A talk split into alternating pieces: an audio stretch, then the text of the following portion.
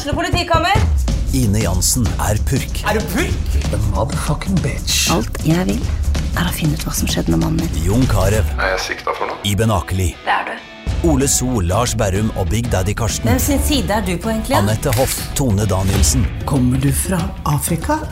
Jørnis Josef, Nesten. Kløfta. Trond Espen Seim, Det er synd å si det, men det var feil mann som døde. Purk. Premiere tirsdag på TV2 Play.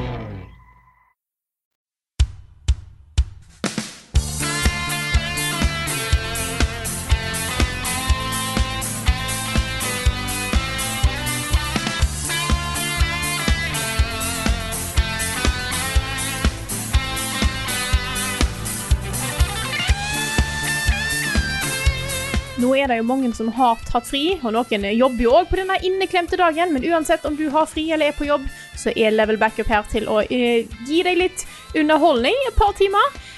Det blir litt altså, bare så dere er klar over det. Men vi er klare for å snakke om alt mulig rart som er spillrelatert, og eh, Tears of the, Tears of the Kingdom-relatert. Men det her er podkasten Level Backup med meg, Frida Danmo. Med meg i dag har jeg Karl Martin Hogsnes og Rune Fjell Olsen. Og jeg har lyst til å begynne med et spørsmål i dag. Ja, litt sånn annerledes. Litt sånn twist på det. Eh, jeg har lyst til å ta et spørsmål fra Tom Erik Nessø, som spør Håper ikke dere fikk like Håper ikke dere feiler like ille som 17. mai i fjor, da ingen av dere spiste mer enn én is, bortsett fra Nick, som hadde spist to. Dere, dere kalte det vel for svikt, tror jeg, men hvordan gikk det i år? Jeg så den kommentaren før 17. mai, Ja. og har nå gått inn for å kompensere. Å ja, okay. Så jeg har spist dritmye is. Jeg har spist uh, masse Jeg har spist en solois. uh, Kjempe-is. Sandwich. Og i tillegg så lagde vi boblevaffel med masse vaniljeis. Oi, oi, oi. Så uh, I, I made an effort. Det er bra, bra jobba, Karl. Imponerende. Jeg skulle ønske, ønske jeg så den kommentaren, for jeg har da bare spist én is. Igjen, altså. Igjen. Ja. Og det, det til tross for at vi har fryseren full av is. I Ja, men da, men da er kona, noe, da er det ikke noe unnskyldning. Nei, jeg, jeg vet det. Så kona jeg var i butikken for å handle, og så skulle jeg bare sende en eh, melding da med hva hun skulle handle. For jeg hadde kjøpt noe, og så skulle hun kjøpe resten. Og så skrev jeg bare masse is, for det hadde ungene sagt. De ville ha masse is. Og da kom hun jo hjem, da, med åtte bokser med is av ma- forskjellige slag og sånt. Så hele ene skuffen i fryseren er full av is. Og jeg har spist én is. Det var det. Og det er fordi jeg orka ikke mer. Jeg spiste så mye annen sånn god eh, sånn gravlaks og eh, eggerøre og sånne ting. Jeg var mett, liksom. Jeg hadde ikke lyst på mer is, jeg. Ha. Jeg hadde to runder med vaniljeis eh, fra boks, så jeg vil si at det teller som to. Ja, det teller som to. Det var òg det var som tilbehør til ei veldig god eplekake. Mye gode eplekake som jeg lagde i går. Eplekake godt også. vi hadde sånn, jeg hadde en forferdelig opplevelse, fordi vi var jo ansvarlig for 17. mai-markeringa i, eh, sko, på skolegården, eh, i skolegården til ungene. Du Sjette kokte klasse vel det, kaffe? liksom. Du skulle koke kaffe? Jeg var en av de to kaffeansvarlige, så vi, eh, vårt ansvar var bare å følge med på når kaffen var tom. Sørge for at den ble fylt opp igjen, ikke sant. Eh, For det, eh, disse inntektene går jo til eh, leirskole for, eh, for sjette klasse på starten av neste skoleår, ikke sant. Eh, så det var viktig da, at eh, ikke eh, vi fikk det inntektstapet. så det, det gikk veldig bra. Men etter dette opplegget her, så fikk jo de som hadde vært med å arrangere med seg kake hjem. Eh, og da satte jeg meg ned ikke sant, etter middag i går med å, nå skal jeg kose meg med kakestikket Men det var en potetkake. Potetkake? Hva- Forestill deg å ta en bit av det du tror er et eplekake, og så er det potet. Men hva er potetkake for noe? Det har jeg aldri hørt om engang. Nei, det er jo mer, det er jo mer sånn mat, da, enn en kake, liksom. ka- er det kake for kjipe mennesker? Det ser ut som en eplekake, men det er da poteter istedenfor epler. Det er dårlig gjort. Ja, det var Ja. ordentlig dårlig gjort. Det kommer jeg til å huske. Ja. Det sviket der, liksom. Ja. Fy fader. Jeg må, jeg må sende dere et bilde på, på Messenger eh, nå mens vi spiller inn. eh, fordi eh, kjæresten min og jeg vurderer å gjøre dette her til en tradisjon på 17. mai. Og invitere på, på sånn. Så På hvis dere, sånn? har, hvis dere har tid uh, Hvis dere har tid fremtidige 17. maier, så er dere hjertelig velkommen til å komme på skikkelig candy-filled boblevaffel med is og sjokolade og jordbær og alt på en gang. Den her skal jeg vise til ungene. Ja, her er det altså, for, å- bare for å illustrere, jeg ser lagvis med boblevaffel, sjokoladesaus, is, jordbær, Det er noe gult inni her. Ja, det er Nonstop. Nonstop, ja. Og så er det krem. Og mm. så er det Kinder Maxi på toppen. Det er Kinder Maxi, det også, Det er helt riktig. Det er helt riktig. Wow. It was altså. It was pretty good. Ja, da tror Jeg jeg, må, jeg må gi kjæresten min mesteparten av the credit, men det var, eh, det var bra. Altså. Vi hadde amerikanske pannekaker til frokost, eh, vi også. Oi, Oi, oi, Eller vi også. Vi, vi hadde det da isteden. Ja, Med uh, Nutella og lønnesirup og uh, alt mulig rart, liksom. Det var jo dattera mi som sørga for at det var der. Uh, Det var egentlig litt av grunnen til at det ikke ble så mye is også. Fordi da ble det liksom en runde med gravlaks og sennepssaus og eggerøre og sånt. Og så ble det en runde med amerikanske pannekaker, og så ble det en runde til med gravlaks etterpå. Så jeg var liksom Jeg hadde en sånn amerikansk frokostmorgen. Og jeg spiste så mye frokost at jeg klarte meg gjennom mesteparten av dagen. og så ble det litt pølse og kaker da på skolen. Jeg er òg en person som spiser mer is når det er varmt. Og her i Trondheim i går så var det fem grader, regn og sidelengs vind. Jeg så det. Det var helt krise. Jeg måtte Det- det skru opp er- ovnene. Natt, natt til 17. mai, utover kvelden på 16. mai, kjente jeg hm, det er litt kaldt her. Så jeg måtte begynne å skru opp ovnene i huset i går. Det er ikke greit. Nei, det er ikke det. Og derfor ble det ikke så mye is. det er en eh, OK unnskyldning. Ja. Men det er altså så, totalt sett mer is enn i fjor, så jeg håper at dere som hører på, eh, kan tilgi oss eh, for eh, fjorårets eh, svikt. Eh, Jeg skal kompensere i dag da, og i morgen, for det er fortsatt masse is igjen. Ja, Mm. sånn uh, Kristi himmelfartsis. Kristi himmelfartsis, for eksempel. Ja. Og så må vi jo nevne at neste uke, da er det vanlig podkast i tillegg. Men på lørdag, altså 27. mai, så skal vi være live på Tilt for nye Tiltcast 3.0. Der er det et eh, godt, solid knippe med spillpodkaster som skal i Ja, ikke i ilden, det hørtes veldig seriøst ut. Eh, men som skal eh, ha ha livepodkast.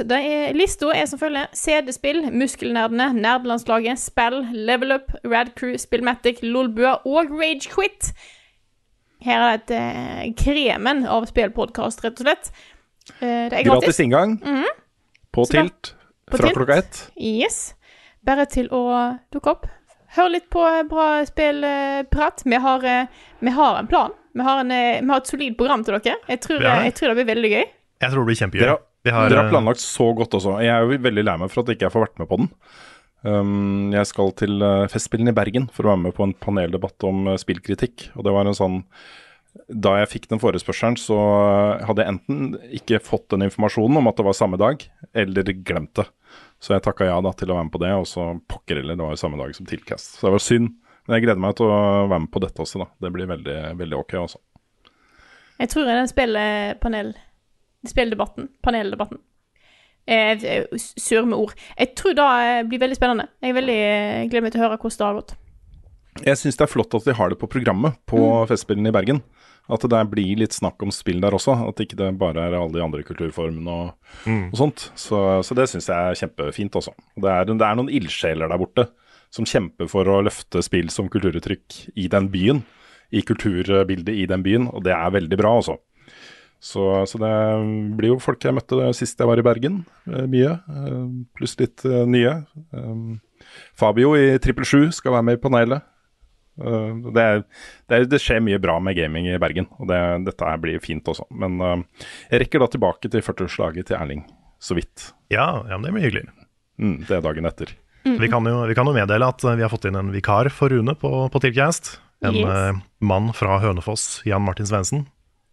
Tar turen for å være med. Og Veldig eh, folk kan forvente en, eh, en hakket mer visuell podkast enn vanlig.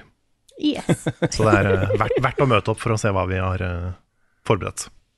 Ja, Bør jo nevne også da at før klokka seks så er det fri aldersgrense Mm. på Tilt. Etter klokka seks så er det vel vært Det er jo 18, tror jeg. Etter, etter klokka seks. Ja. Eh, Eller om det er enda høyere, det er jeg litt usikker på. Men i hvert fall da før klokka seks, og det er derfor vi valgte tidspunktet klokka fem. Sånn at hvis det er noen da som har lyst til å ha med seg kidsa, eller eh, det er noen yngre, yngre lyttere som har lyst til å komme innom, så har de muligheten til det. Det er veldig fint. Tetris. Skyrim. Destiny 2. The Sims. Edderkoppkabal. Destiny 2. Animal Crossing. Pokémon Cola eller Pokémon Pepsi. Destiny 2. Gitar Hero. Kingdom Hearts Bohemian Boogaloo. Destiny 2.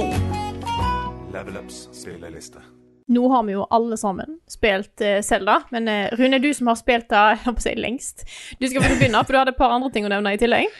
Ja, altså Jeg har bare lyst til å komme med litt sånn derre Jeg innså øh, hvilken sånn fantastisk tid jeg lever i akkurat nå. Men den rekken av spill altså Du har hatt Dredge, Tesla Grad 2, Bramble, Star Wars Jedi, uh, og nå sitter jeg da med to andre spill som jeg ikke kan snakke om ennå, uh, men som, uh, som på en måte er etterlengta på litt samme måte som disse spillene har vært det. Jeg har spilt gjennom og skrevet og begynt å redigere anmeldelse av Planet of Lana. Der er det spørrefrist på mandag. og det er jo et, Vi har hatt det veldig på radaren, for det er en sånn håndmalt science fiction-eventyr. I litt sånn limbo og inside-gate, um, hvor um, jeg spilte demoen og digga den. Så dette er et spill jeg har gleda meg skikkelig til. Uh, og så klarte jeg akkurat da å bli ferdig med liksom, det grunnleggende arbeidet med den anmeldelsen før Svens og jeg fikk uh, kode av Diablo 4. Så vi sitter nå på kveldene og, og spiller, og jeg, jeg har bare lyst til å nevne at det er utrolig digg å spille med Svens. Fordi han er veldig opptatt av å gjøre alt annet enn å følge Main Quest. Så før vi i det hele tatt egentlig begynt på Main Quest, vi har bare gjort liksom det vi måtte gjøre, så er vi level 21 og har liksom gear opp og begynt å gjøre skikkelig vei i vellinga. da. Ha. Så det er eh, stas. Der eh, er det også sperrefrist om en stund, da, så vi kan ikke snakke noe om hva vi syns og sånt ennå. Men det er jo ikke noe tvil om at det er et spill som har prega vår redaksjon eh, i uka som har gått. Og har, vi hadde sånn øyeblikk nå før podkasten starta, hvor vi begynte å snakke litt om Selda, Tales of the Kingdom. Eh, og begynte å hinte litt om ting og sånt. Og så eh, sendte vi Frida på dør. Hun logga seg ut av chatten, sånn at Carl og jeg kunne nerde ut om et av de øyeblikkene i spillet. Ja, som Frida ikke har kommet til ennå. Mm. Så, så det, var ikke, det var ikke for å ekskludere Frida, det var bare fordi Frida har ikke gjort det ennå. Ikke sant, hun ville ikke, vil ikke vite. Riktig. Eh, så det jeg vil si først er at vi holder oss fortsatt unna de der store uh, story- og Quest-spoilerne som vi vet mange ikke har møtt ennå. Eh, vi, vi kommer ikke til å Det er mye i dette spillet her vi ikke kommer til å snakke om noe annet sted enn i en spoilercast, bare så folk vet det. Så alle de største, feteste, um, mest spesielle øyeblikkene fra Selda, som er Quest-relatert, uh, kommer vi til å ligge unna. Men jeg har lyst til å begynne med Dette blir jo en ny, ny runde med Selda, for nå har jo dere spilt det. Men jeg har lyst til å begynne med et uh, spørsmål til dere to. Uh, og Dette var en sånn ting jeg brant inne med til lansering. Hvor mye kan jeg si om dette? Eh, og så studerte jeg alle trailerne til Nintendo. eh, og leste liksom all offisiell informasjon og intervjuer de hadde gjort og sånt om hva man faktisk eh, skulle oppleve i spillet. Og fant ut at ja, de har hintet om dette her, eh, men ikke noe mer. Så da skal jeg også bare gjøre det. Jeg skal bare hinte om det. Og i anmeldelsen så trekker jeg en parallell til det som kanskje er min favorittbok. Det er en bok som heter House of Leaves um, av Danielowski. Som er en sånn samling av dagboknotater, avisutklipp. Veldig sånn rar typografisk bok. Veldig spesiell bok. Men den handler da om en familie uh, som flytter inn i et hus uh, hvor de oppdager et sort hull. Og det, I starten så er det bare sånn der fascinasjonen for dette sorte hullet er veldig sånn til å ta og føle på. Men så går de inn i det sorte hullet, og det er helt beksort. De ser ingenting. Og så går de da gradvis gjennom boka dypere og dypere inn i dette sorte hullet, og så begynner det etter hvert å komme konturene av bygninger, av konstruksjoner, av fjell og sånne ting. Så jeg hinter om det i anmeldelsen min, og spørsmålet mitt til dere er hva tenkte dere første gangen dere kom ned i the depths i Tears of the Kingdom? Jeg Ha. husker For det, det er jo en quest som tar deg ned der. Men jeg er veldig glad for at jeg opplevde det på egen hånd. Ja, samme For jeg så på en måte OK, svært hull med masse dritt. Jeg har ikke en paraglider. OK, greit.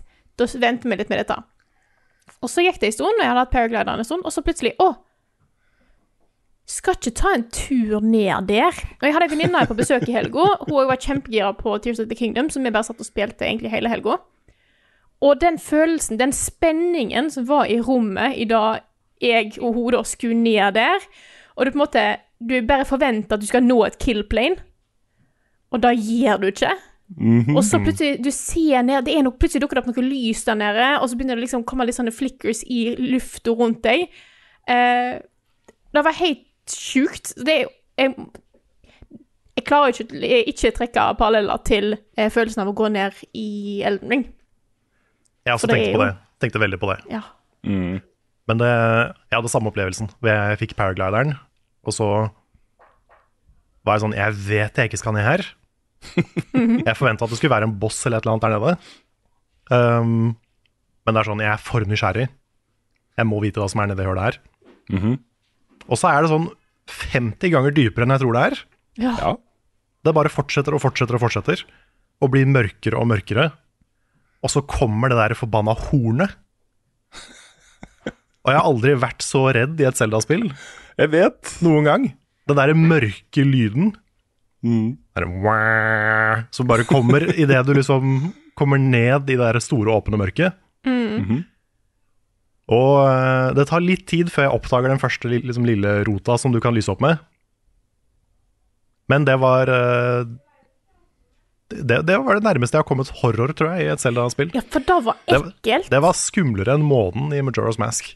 Og så var det liksom da å komme bort til den rota som lyser, som egentlig nesten er som et hjerte. Ja. Og du ikke vet hva du kan forvente at skjer. Mm. Du går bort med sånn Jeg trykker på, jeg trykker på A, jeg, og bare håper at ikke eh, jeg ødelegger hele verden, liksom. Jeg har sikkert vært der nede nå uh, i allerede over 30 timer. Um, Ditto. Og de første sånn ti gikk jeg bare og venta på når skal det være noen åpne øyne her i mørket, liksom. Ja, ja, ja. Når skal det komme et eller annet svært? Jeg satt bokstavelig talt og måpa, liksom, eh, mens jeg utforska den her. Og det, hvert skritt jeg tok, var liksom sånn et skritt inn i mørket. Hva er liksom, For det, du ser jo ingenting. Det er noe som lyser opp, det er litt lava her og litt eh, blomster og sånne ting, men det er stort sett bare helt bekmørkt. Og det er jo også, Den følelsen var helt utrolig sterk. Også. Jeg havna jo der også ved et uhell, fullstendig uhell, fordi jeg var oppe og forska rundt uh, Slottet. Eh, et av de tidlige storyquestene. Og ramla ned i hullet Oi! ved et uhell. Um, og ramler da midt i en sånn der enemy camp med masse Bob Goblins og eller hva det heter. det var masse fiender som var utrolig høyt level, og jeg hadde jo fem hjerter eller noe sånt i helse, så jeg døde jo nesten umiddelbart. Uh, så, så da trodde jeg bare det var liksom Ok, under slottet er det sånn. Men uh, så viser det seg at det er jo like stort som landkartet. Ja. Det er jo nøyaktig like stort. Ja, det og det har en del paralleller også, og, og sånt da, til det som er over bakken, ikke sant? Mm. Jeg så noen kommenterte det her, Jeg tror ikke det stemmer, men det er mulig det stemmer. At alle de røttene der nede, at de er på samme sted som Shrines i Breath of the Wild var, og at de har navnet på de Shrines baklengs. Det høres ut som en, eh, en teori som er for god til å ikke være sann. Ja, For at jeg Jeg, var nettopp ved en route. Og da tror jeg det var en shrine rett over meg.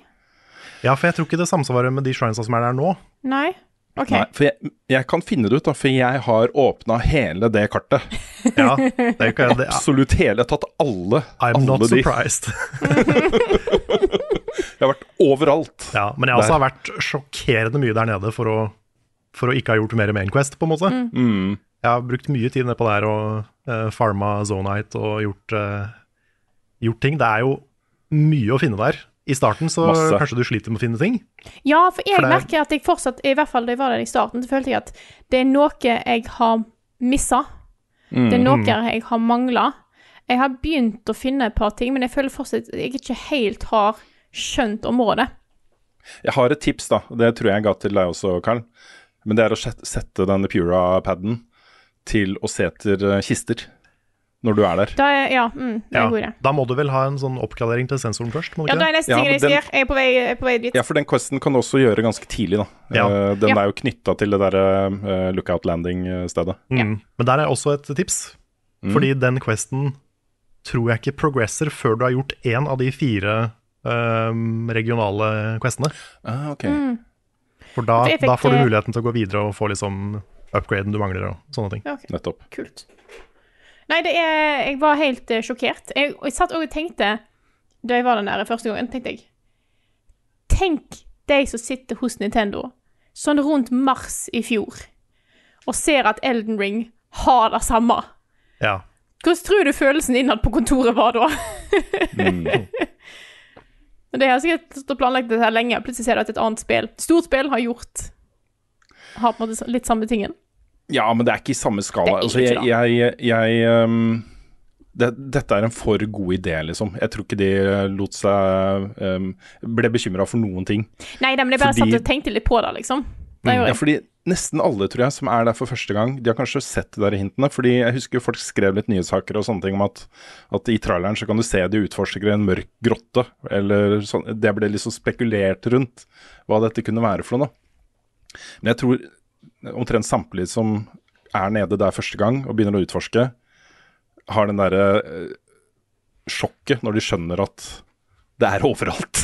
Ja. det er ikke bare et lite begrenset område her hvor jeg er her, akkurat her og nå. Det er hele kartet Ja. under bakken. Jeg er nesten litt for Jeg er nesten litt stressa over å snakke veldig høyt her nå. Fordi at eh, mannen min han har vært vekkreist en stund. Jeg kom tilbake igjen eh, rett over helga, mens jeg har bare spilt Selda hele helga. Ja. Eh, og de tidspunktene jeg ikke bruker Switchen, bruker han Switchen.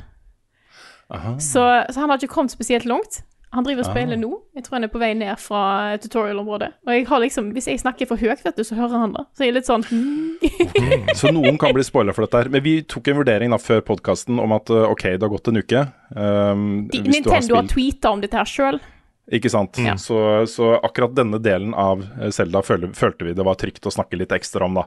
Ja. Siden det, var en så, det er en så stor del av spillet som har vært uh, ukjent før lansering. Nå kan vi snakke om det, vi har opplevd det. Jeg måtte bare vite hva dere tenkte. Nei, Det er helt, helt ekstremt. Det, er den det er liksom Jeg husker den Folk snakker om det før release, og noen snakker om det etterpå, men det forstår jeg ikke helt. eh, Men hvis jeg snakker om at liksom Er det nok nytt her? Og den Jeg har også fått det spørsmålet masse. Ja, Ja. er det nok nytt her? Og sånn, ja, for du har hovedverden, og så har du det oppe, og sånn Du har noe mer. Ja. Så hvis noen, er, hvis noen lurer på det, ikke lur på det. Nei! Nei, nei fordi jeg har, jeg har måttet være veldig rund da når jeg har fått det spørsmålet. Det er mange som spurte rundt lansering. Ja. Uh, er det nok nytt her? Uh, og jeg har jo lyst til å si spillet er bokstavelig talt over dobbelt så stort som Breath of the Wild. Det hadde, jeg hadde jo lyst til å si det, men jeg kunne jo ikke det, for da hadde jeg jo på en måte spoila at uh, The Depths er en ting.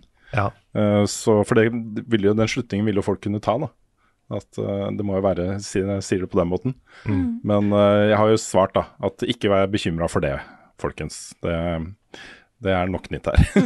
Ja, men, men også sånn Jeg var veldig nysgjerrig på det der med åssen det skulle funke å bruke det samme kartet på nytt. Fordi Breath of the Wild-kartet er jo bygd for at du skal finne hemmelighetene i Breath of the Wild. At det er veldig sånn Det er, det er veldig håndlaga for å lede deg til de tinga som fins der. Og nå som du har funnet alle de, hvordan funker da det kartet for en, et annet sett med hemmeligheter, liksom? Nettopp. Og det, det var litt sånn der, hvordan kommer det til å funke? Og det er løst så utrolig smart. Fordi de tinga som på en måte blir kommunisert i Breath of the Wild, som leder deg til ting, som fortsatt er der, de leder deg bare til andre ting nå. Som også er kult. Som Ja. også er secret, liksom.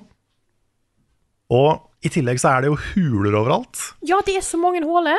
Utrolig mange huler. Du, du, kan jo, du kan jo eh, gi et eple til et sånt tre for, å, for at det lyser opp alle hulene i et område. Eller frukt. Hva, så- hvilken som helst frukt. Ja, What the hell? Dette er litt meg. Kult. Ja, det er, det, det er praktisk. Jeg har gjort det et par ganger. Og det, da, Det er sånne sakuratrær sånne som blomstrer. Oh, ja, selvfølgelig. Mm. Ja, ja, ja, det gir kjempemening. Jeg bare tok ikke det hint Jeg har fått et par hint om dette, jeg har bare ikke tatt de før nå. Kult. For da, da ser du hvor mange huler som er i et område, og det er mange. Ja, Da kan du gå inn på kartet også og markere de. Du kan gå og liksom markere at det er der og der, fordi de lysene hvor det er huler, blir der en stund. Det tar litt tid før de går bort. Ja. Men er de, tydelige, på- er de synlige på kartet? Nei, det er det ikke, men du, må gå, du kan gå inn og så sette en sånn uh, eh, med ikke sant? En sånn som du gjør fra uh, Pure Ja, ja, ja, sånn, ja. Mm, Og så kan du gå inn på kartet og så sette en annen tag som blir værende. riktig. Smart. Ja, Men for er eh, Nei, fortsett. ja, Nei, for det, det er hulene som ikke var der i Breath of the Wild. Og i tillegg så er det sånn at jeg finner noen brønner, og så går jeg ned, jeg tror det er den femte-sjette brønnen jeg går ned i. Så er det en dame som er sånn well enthusiast. Ja, hun er så kul! Ja, og hun bare Det er ganske mange brønner i Hyrule. Så det er jo sånn 60 eller noe sånt av de. Ja. Og det er, alt det her var jo ikke Breath of the Wild. Mm. Så har du liksom, du har undergrunnen, du har himmelen. Det er så utrolig mye. Ja, det er så svært det spillet her, altså. Jeg nevnte det litt Så- eh, før, dere, før vi starta nå i stad, at jeg, eh, du, er, liksom, du er ferdig med tutorial-området og kommer ned og får litt hint om hvor det er ting å gjøre. Det var altså, Jeg visste ikke hvor jeg skulle begynne. Og jeg Nei. følte uansett hvor jeg gikk, så fikk jeg mer ting. Og jeg bare så, herregud, det, er- det er så mye det er, det er så mange quests og storyting, det er ikke bare utforsking. Uh, og jeg bestemte meg endelig etter sånn 15 timer at nå skal jeg faktisk gå og gjøre den første tingen som de anbefaler. Jeg, på en måte, Her kan du gå. Og da gikk, gikk den veien, så plutselig var det jo sjukt mange som fortalte meg om kule ting på andre sida av kartet. Jeg bare sånn Herregud, kan dere gi? Hvor skal, hva skal jeg gjøre? Det, det er too much, nesten. Det er helt Men- sjukt. Men det er sånn, hvis jeg ikke skulle anmeldt det spillet her, og jeg bruker jo eh, Jeg spiller jo bokstavelig talt fra jeg står opp til jeg legger meg nå. Ja, du spiller intensivt nå. så Det er samme, var det samme som jeg, jeg gjorde. Ja, det er sånn jeg, jeg tror jeg er Jeg kan ikke huske sist jeg var så usunt obsesst. Ja, Elden Ring var det siste jeg var så usunt uh, obsesst. Dette er verre for meg, faktisk. Ja, er det det? Jeg har aldri før, siden jeg begynte å anmelde spill, hatt elleve timer lange opptak. Å, herregud. Men nå har jeg elleve timer lange opptak flere det ganger. er eh, så ekstremt har jeg ikke vært. Nei, nei jeg, har, jeg har ikke stoppa. Jeg jeg har liksom spist og bæsja. Det er de, det er de Mm. ting jeg har gjort. Og så har jeg gått og spilt mer Selda. Wow. Hadde jeg vært et MMO, så hadde det vært farlig for helsa mi. Ja, det er, Jeg er glad for at dette spillet har en uh, ending også. Ja. Men jeg har lyst til å nevne en ting, da, fordi vi har snakka om Breath of the Wild før. Jeg husker vi snakka om hva våre favorittøyeblikk var fra Breath of the Wild. Vi hadde et spørsmål om det. Jeg husker ikke, det var en podkast for en stund siden hvor vi snakka om det. Husker dere at jeg snakka om den der hula hvor det var helt mørkt? Ja. Jeg håper det blir mer av det, sann, sann type opplevelse. Tenk at jeg har fått ja. Halve spillet er sånn, liksom. AJ jeg og liksom Numa hørte på den podkasten og bare he-he. Ja. og jeg som vil ha mer story. Gud, det er så mye story her, og ting er mørkere, og det vil jeg ha. Og det er jo noen fiende, det er en fiende som, Eller en ting, jeg har ikke sl prøvd å slåss mot den ennå, som dukka opp. Bare plutselig dukka opp og satt, skremte livet av meg. Jeg vet hva du mener. Og det, det er creepy shit, ass. Jeg var ikke forberedt på det i det hele tatt. Det der spiller her, og introsekvensen Herregud, introsekvensen! Ja. Det er en av de beste startene på et spill noen gang. Også den illustrerer så godt hva du kommer til å oppleve de neste 100-150-200 timene. eh, I sånn komprimert, kontrollert miljø. Og så peker deg inn og gjør det, gjør det, og så kan du gjøre dette, og så kan du gjøre dette, og så ha det. Stress Altså- som litt. Og så elsker jeg de der uh, Guide Korok-questene. Ja. For, for det første så har jeg altfor dårlig samvittighet til å ikke hjelpe de. Fordi uh, når de, de sier liksom I need to reach my friends, er sånn ja, selvfølgelig. Skal jeg hjelpe deg å finne vennen din. Det er jo det er ikke noe å lure på engang. Og så um, har jeg hatt mange opplevelser med de. Noen, uh, noen har gått veldig bra, noen har ikke gått så bra.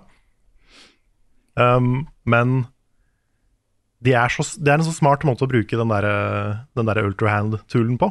Ja. For du lager sånne små maskiner som kan frakte den der lille blobben til, til vennen sin. Og sammen med de skilta Ja, skilta er kjempegøy. som du skal holde opp. De er veldig morsomme. For da du, du må putte planke på riktig sted, liksom. Det er enkelt, men det er gøy. Jeg merker jo òg at det er så mange eh, jeg, Nettopp så var jeg oppe eh, på ei øy. Og det var sånn, ja, det var ikke så mange ting på en øy òg, men her er det en plattform, og det er tre raketter. Da må rakettene på plattformen. Det er på en måte det eneste logiske i mitt hode. Og så fer jeg av gårde. Eh, Til en helt annen plass enn det jeg hadde tenkt, men det er sånn, ja, der var det raketter, der var det en plattform. Go. Ja. Da jeg endelig Ja, men... fant styrespak, Ja, styre det, er det forandra, forandra alt. Ja, det er en del sånne praktiske tips som jeg har brukt altfor lang tid på å finne ut av. Det er litt av konsekvensen, fordi normalt sett, dette spillet her, ville jeg ha opplevd så mye som mulig på egen hånd. Men hvis det var noe jeg lurte på, så ville jeg ha googla det. Jeg ville ha brukt en guide. Um, så da ville jeg skjønt mye tidligere at det å låse opp disse her uh, gotcha ga- Gachi? Gacho? Gacha? Gacha. Gacha-kulene, hvor du kan få liksom sånne, eh, sånn teknologigreier, da. At det blir jo markert på kartet etterpå hva som er i de, ikke sant? så kan du gå dit og kjøpe flere. Eh, Det er så det er smart. kjempesmart. Ja, det er kjempesmart. Så det tok meg litt for lang tid, da.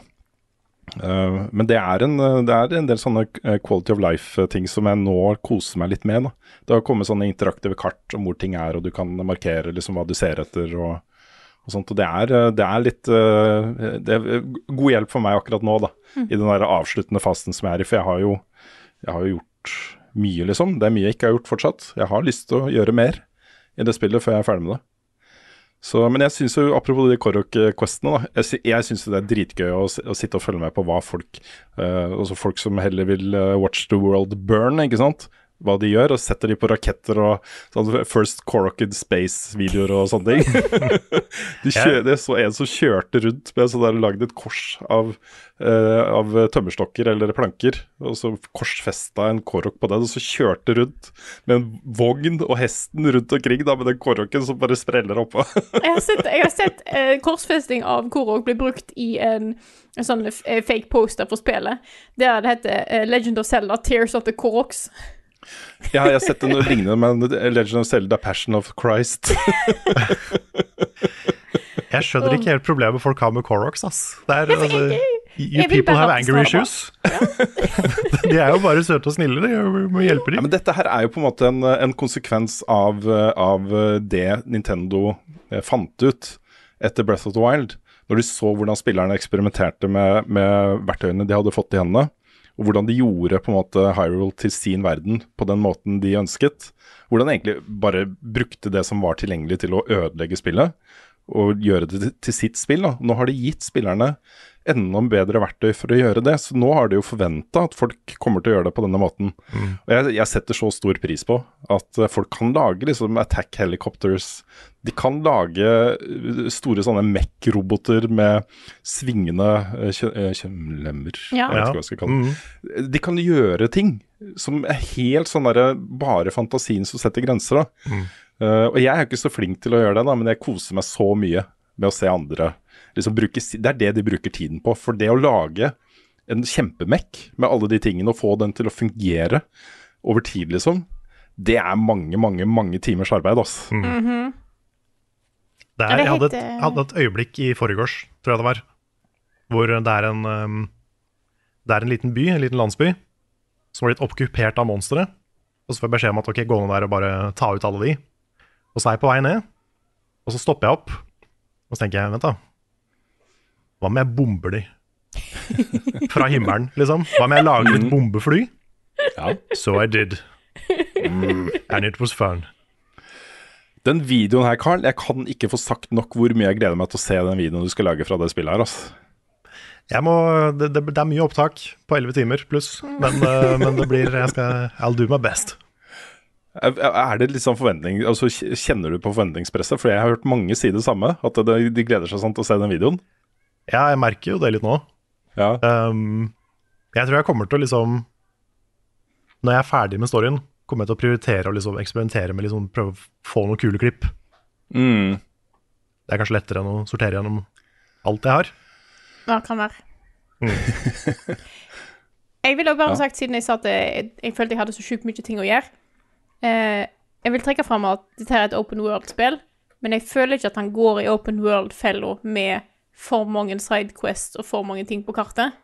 Fordi kartet er fortsatt så smart. De tingene som dukker opp, er ting du har Altså enkeltting du sjøl oppdaga, eller pins du sjøl har satt der. Mm. Det er så Det er det samme geniale trekket som, som Breath of the Wild har. Altså det, Eh, det fungerer på den måten at du stort sett nesten alt du gjør i spillet, er ting du oppdager på den veien du tilfeldigvis er og går på. Uh, nesten alt i spillet er sånn. Men alle du møter og alle du snakker med, havner jo i en meny. Hvor du kan gå inn hvis du er beit for noe å gjøre, eller, uh, eller eh, er ferdig, akkurat ferdig med noe. Du har ikke et umiddelbart et nytt oppdrag, så kan du bare gå og plukke en ting fra den lista. Og så er det det du gjør, ikke sant. Og der er det Jeg har fortsatt masse på min liste over ting jeg ikke har gjort, sidequests og, og sånne ting som, eh, som jeg vet kommer til å være kos å gjøre. For nesten uten unntak så syns jeg alle de der sideoppdragene og tingene har vært gode, da. Det er gode små historier fra Hyrule, hvor man opplever kule ting og ofte også får gode rewards, da. Ja, jeg gjorde ikke Sorry. Det er helt tydelig at dette er en verden her har endra seg siden Breath of the Wild. Det er så mye folk, det er så mye liv her. Mm. Jeg gjorde ikke så mange sidequests i Breath of the Wild. Ikke jeg heller. Ikke jeg heller.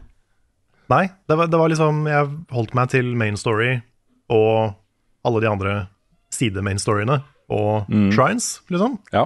Det var det jeg gjorde Samme mest av. Men her så gjør jeg mange sidequests, og det er Mm. lange sidequests også. ja. Og jeg kan ikke huske at det var så mye av det i Breath of the Wild. Det var liksom Tarrytown som var svær. Men her er det mange liksom lange multi-stage-quester, da.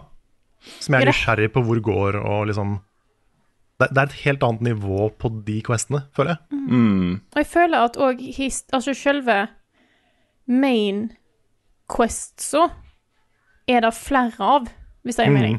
De er er større. Mm. Ja, så flettes de inn hverandre på en veldig smart måte. Altså du kan øh, Det er flere av de øh, som på en måte er den samme tingen, men forskjellige deler av den. Så selv om det står liksom tre main quests på den lista over main quests, så kanskje tre av de er Hvis du gjør en av de, så får du progress på den andre også. Og så, for en av de er bare find Zelda, ikke sant. Ja. Um, så um, jeg er enig i at historien her er veldig god, altså. Og det er um, Det er øyeblikk i den historien som, som er sånn genuint bare ordentlig, ordentlig bra. da, Ordentlig gode. Uh, måten de forteller denne historien på er jeg veldig, veldig, veldig glad i, Også. Uh, noen fantastisk flotte, sterke øyeblikk. Det er kult hvordan de på en måte uh, Og jeg vet jo ikke så mye om hva som er canon i dette universet fra før. Så godt bevandra i Selda er jeg ikke. Litt derfor jeg ikke var med på den beste, verste rankinga også. Men jeg får litt den derre Litt sånn science fiction, fantasy-gleden av OK, hvor kommer Hyrule fra? Hvem var The Zonai? De tingene der. Jeg syns, jeg syns det er bare dritfascinerende. Det er kjempe, sånn jeg, det, ja, Nakkehårene reiser seg litt av den type historie for meg. da. Mm. Eh, jeg er veldig glad i sånn, Jeg har lest masse bøker hvor man finner liksom et eller annet mystisk. Noe teknologi som ikke hører hjemme på jorda, som ikke er lagd i nåtiden, i en hule et eller annet sted. Og så viser det seg ikke sant, en sivilisasjon for 10 000 år siden. Et eller annet 'something from space'. Ikke sant? Åh! I love it. Jeg Jeg hadde jo lyst til, å- jeg hadde lyst til å poste det der memen for lansering, bare for gøy, da, men jeg droppa det for det er også spoiler. Den derre aliens-memen. Ja. sant? Jeg, jeg syns eh, det var kjekt å se, men ikke overraskende, at Tears of the Kingdom hadde solgt ti millioner units på tre dager. Ja, dette er, det er jo en av de første nyhetssakene i nyhetsspalten, Ja. men kan vi jo ta den litt nå? Ti Ja. millioner. Det er på tre dager. Det er helt insane. Det er, hva var det noen skrev? at Er det den best eller raskest selgende first party IP-en ever? Ja, Det husker jeg ikke. Nei, jeg, nei men jeg syns jeg så noen skrev det. Jeg måtte dobbeltsjekke det tallet. Uh, men det er nå Tears of the Kingdom er det eh, andre bestselgende totalt Zelda-spillet ever. Kun Ja, av Breath of the Wild. ja det, det, på tre dager så har det slått liksom Ocarina of Time og Twilight Ja. Princess og alle de andre, liksom. Ja, det er helt, eh, det er helt vilt. Også på en, Mm. på en eksklusiv konsoll. Det er det som er eh, ekstra imponerende med det. Nå har jo Switch akkurat runda 125 millioner solgte kopier nå, eller eksemplarer, Mm. bare så det er nevnt. Men det også er jo vilt. Ja, er også Breath of the Wild hadde jo en, eh, en um, attachment rate da det ble lansert som var helt crazy. Det var sånn eh, 80-90% av de som eide en Switch, kjøpte en uh, Breath of the Wild. Mm. For det ble, var en launch-spill, ikke sant? Men jeg har aldri før opplevd på vennelista mi på Switch at, ofte, at oftere popper opp 'denne personen er online, spiller Tears of Kingdom'. Det, er, ja, det skjer hele tida, og det er bare det spillet. Det er ingen som spiller noe annet. Nei, det var litt samme tilstand under Animal Crossing og pandemien, men uh, Ja. Ja, kanskje det var litt, men det var ikke like intenst. nei. Det kan også nevne, eh, siden vi eh, brancher litt ut i nyhetsspalten, eh, at noen har da klart å runde Tales of the Kingdom på 94 minutter. Da kom jeg på sånn dag to. 94 minutter. Var det ikke det? Det var helt Hva insane. Det Kom ikke det sånn på lørdag? Det må jo være noen som har fått spillet tidlig. Ja, det, Mest sannsynlig. Um, det er også, jeg syns det er veldig kult at 40 av de minuttene var bare startøya. Ja. Ja. Og så uh, samla han litt uh, gear, og så uh, gikk han og tok siste bossen. Ha. Det er uh, helt vilt, altså. Galskap. Gymnast86 heter han, så hvis du, har, hvis du allerede har kommet til siste boss og har lyst til å se hvordan Gymnast86 gjorde det på 94 minutter, så er det bare å søke opp. Søk, det ligger vel, eh, ligger vel en playthrough på YouTube, tenker jeg. Kan det er jeg- synd at, si- eh, at det er etter cutoffen til GDQ, som er nå i slutten av måneden. Ah. Mm. Ellers hadde det helt sikkert vært med der. Kan jeg si en ting til?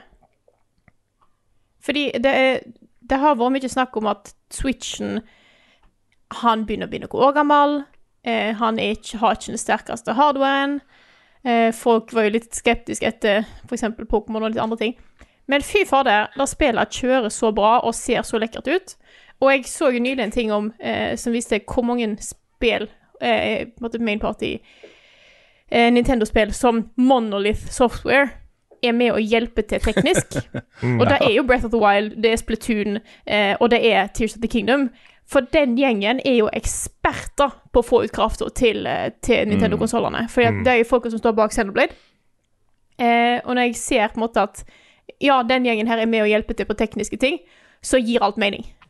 Mm. For det Da spillet kjører så bra, altså. Det er greit å ha litt framedrops innimellom, men jeg føler jeg har det generelt sett eh, fantastisk. Og jeg syns det nesten ser bedre ut enn Breath of the Wild innimellom òg, så jeg er fornøyd. Ja, samme her. Jeg kommer rett fra Star Wars, og det er greit nok at det er jo høyere oppløsning i Star Wars. Det er jo et uh, PS5-spill med 4K og diverse, men, men det å liksom gå fra et spill som hadde så ujevn framerate, og i tillegg liksom screen tearing og alt det andre jeg opplevde på Star Wars, at det krasja med jevne mellomrom, og så ingenting i Tears of the Kingdom. Det er så deilig. Ja.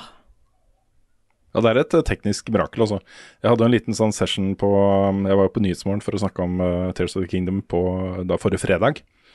Og da prøvde de seg liksom med å, å uh, snakke om grafikken der, at den ikke er like bra som sånn fotorealistisk grafikk og sånt. Da, Det er jo ikke målet, da! Nei, så, så vennlig som mulig så uh, skjøtta jeg ned den, da. Ja, Fordi dette er jo uh, vakkert. Dette det er, er jo- vakkert og innlevende og Innlevende er vel ikke et ord. Men innlevelsen her er jo total.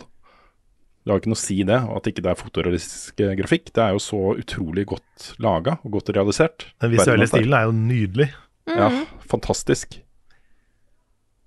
Nei da, hvis, hvis ikke du syns det spillet her ser pent ut, så er det er jo litt høy, altså. Ja, men jeg, jeg har jo for så vidt um, um, Jeg aksepterer at noen foretrekker fotorealistisk grafikk, Ja. at de går etter spill med det. Mm. Jeg har ikke noe mot det, men uh, vær så snill å forstå da, at uh, stilisert grafikk kan være vel så effektivt, det. så nå driver jeg og spiller et håndmalt spill, f.eks., og det også er jo utrolig flott å se på. da. Mm. Det er Ja, sant, det, det er jeg, sant. jeg sitter nå eh, Jeg har egentlig bare lyst til å gå tilbake og spille mer Tears of the Kingdom. Det er på en måte alt jeg har lyst til. Jeg er utrolig glad for at det er fridag igjen i dag, torsdag. Så er på en måte Det er, det er liksom ekstra ekstra tid jeg kan bruke på Zelda. Og da Det er så kjekt, da. Det er perfekt timing. Mm. Jeg vil si en ting til, jeg også. Ja. Mm.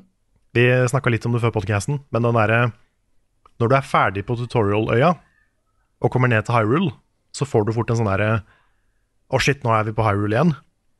Og det er veldig svært og veldig overveldende. Alt dreper deg med en gang. Ja, det òg. Mm. Jeg har dødd så men mye i dette spillet. Herregud.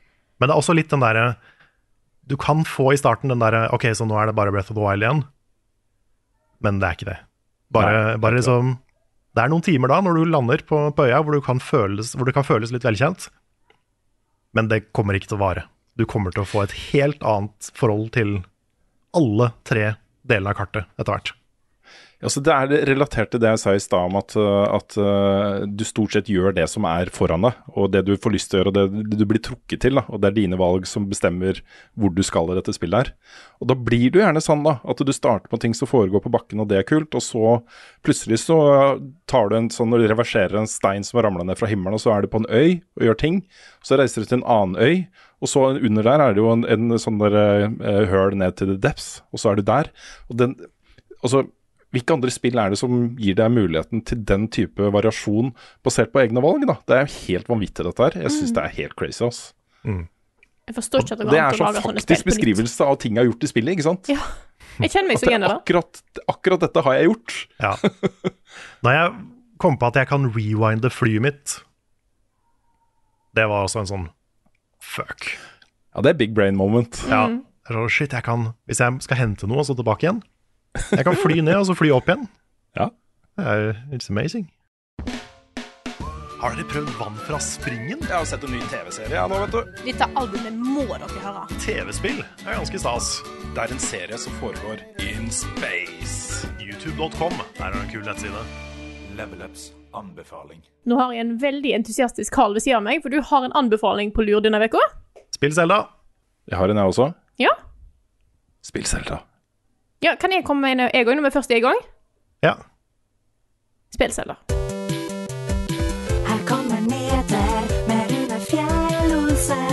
Og han har ikke hår. Det skjer litt annet da enn Selda i spillenes verden eh, om dagen. Eh, det gjør det. Det er litt sånn altoppslukende for, eh, for både oss og mange andre.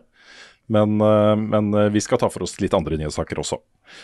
Og starte da med at EU har da faktisk godkjent, som forventa, Microsoft-oppkjøpet av Activision Blizzard.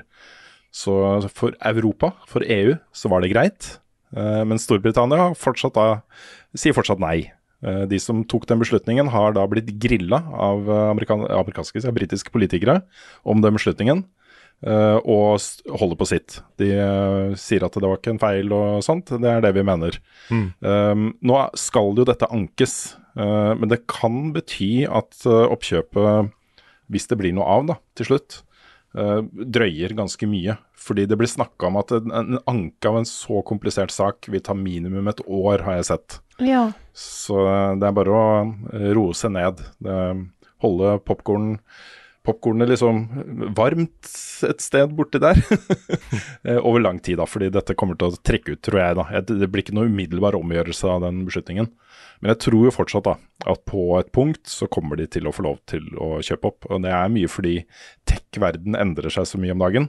Og det å på en måte argumentere for et evigvarende monopol av et stort oppkjøp blir vanskeligere og vanskeligere. Når du ser liksom Facebook sliter, uh, du har det AI-greiene overalt. Så, så jeg tror det kommer til å gå gjennom til slutt, altså. Det er litt sånn Storbritannia er litt rare om dagen, med brexit og dette her. Og nei, de skal liksom bare sette opp disse egen, murene. ja, de har sin egen greie.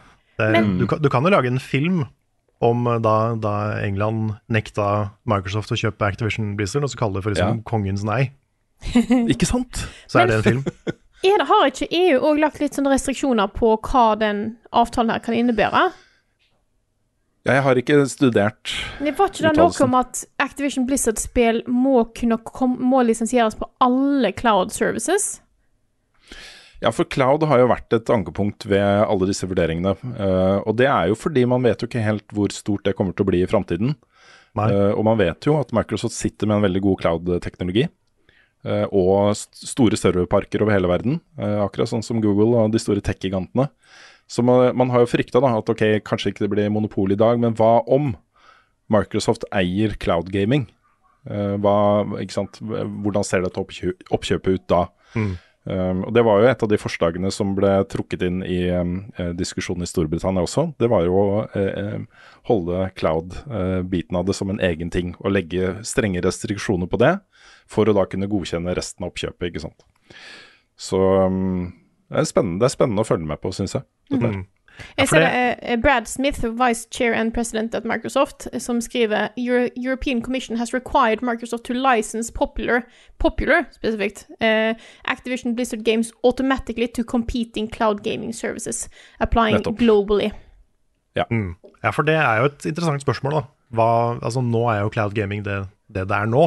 Ja. Men om ti år, hva er hvor mye av gaming kommer til å være cloud da? Det vet vi jo ikke nå. Men hvis Nei. det ender opp med at Microsoft eier alt, Mm. det er jo potensielt eh, en kjempebad ting. Så um, jeg, skjønner jo, jeg skjønner jo hvor de kommer fra. Mm. Ja. Jeg tror ikke det er øh, Det er nok ikke så vanskelig for Microsoft å gå med på det punktet, Nei. tenker jeg da. Nei, det tror jeg nok ikke. Jeg tror nok det er en ting som på en måte de eh, godtar eh, helt fint. Mm. Men jeg bare synes det er et interessant eh, punkt, for det er helt tydelig at cloud gaming er, har vært viktigere. Det var jo det som eh, Var det ikke da eh, de i Storbritannia hun, på sa nei til òg? Jo. De, Ja. de hang Mm. seg opp i cloud-delen, ja. Det gjorde det. Vi får komme tilbake til saken når det er en oppdatering. Vi venter jo på en beslutning fra USA også. Og hvis de også sier ja, så økes jo presset på eh, Storbritannia her. Eh, det gjør det. Og det blir nesten litt sånn storpolitisk. Så det er mulig at dette blir løfta på, på litt mer sånn eh, et høyere plan da, enn konkurransemyndighetene eh, etter hvert. Det er utrolig spennende å følge CS-majoren som foregår i Paris om dagen. Nå har da faktisk det norske CS-laget Apex kvalifisert seg til The Champions Stage. Etter to utrolig intense runde med kvalifisering, så er de nå et av de åtte beste CS-lagene i verden. For dette er jo på en måte Champions League for CS, disse major-turneringene. Det er de beste lagene i verden som konkurrerer. Eh, og måten de tok seg til det sluttspillet på, er jo også helt utrolig. De spilte jo da mot eh, Ninjas in Pyjamas, det svenske storlaget. Og lå jo på De vant jo siste første map eh, etter å ha ligget under ganske mye. Og så gjorde de det samme med andre map. De lå under på et punkt liksom med ti, eh, ti poeng, da, og, og tok til slutt hjem den seieren. Og det at et helnorsk lag som dette her Nå vet jeg ikke om alle spillerne er norske, forresten.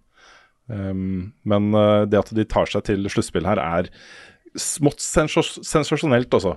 De møter jo der også uh, Heroic, som er også et norskeid, uh, men dansk, da, CS-lag. Uh, og Face, hvor vi har Rain, en av verdens beste CS-spillere, som er norsk.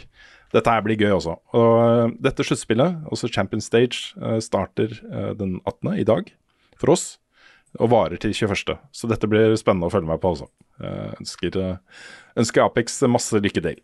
Det er kult.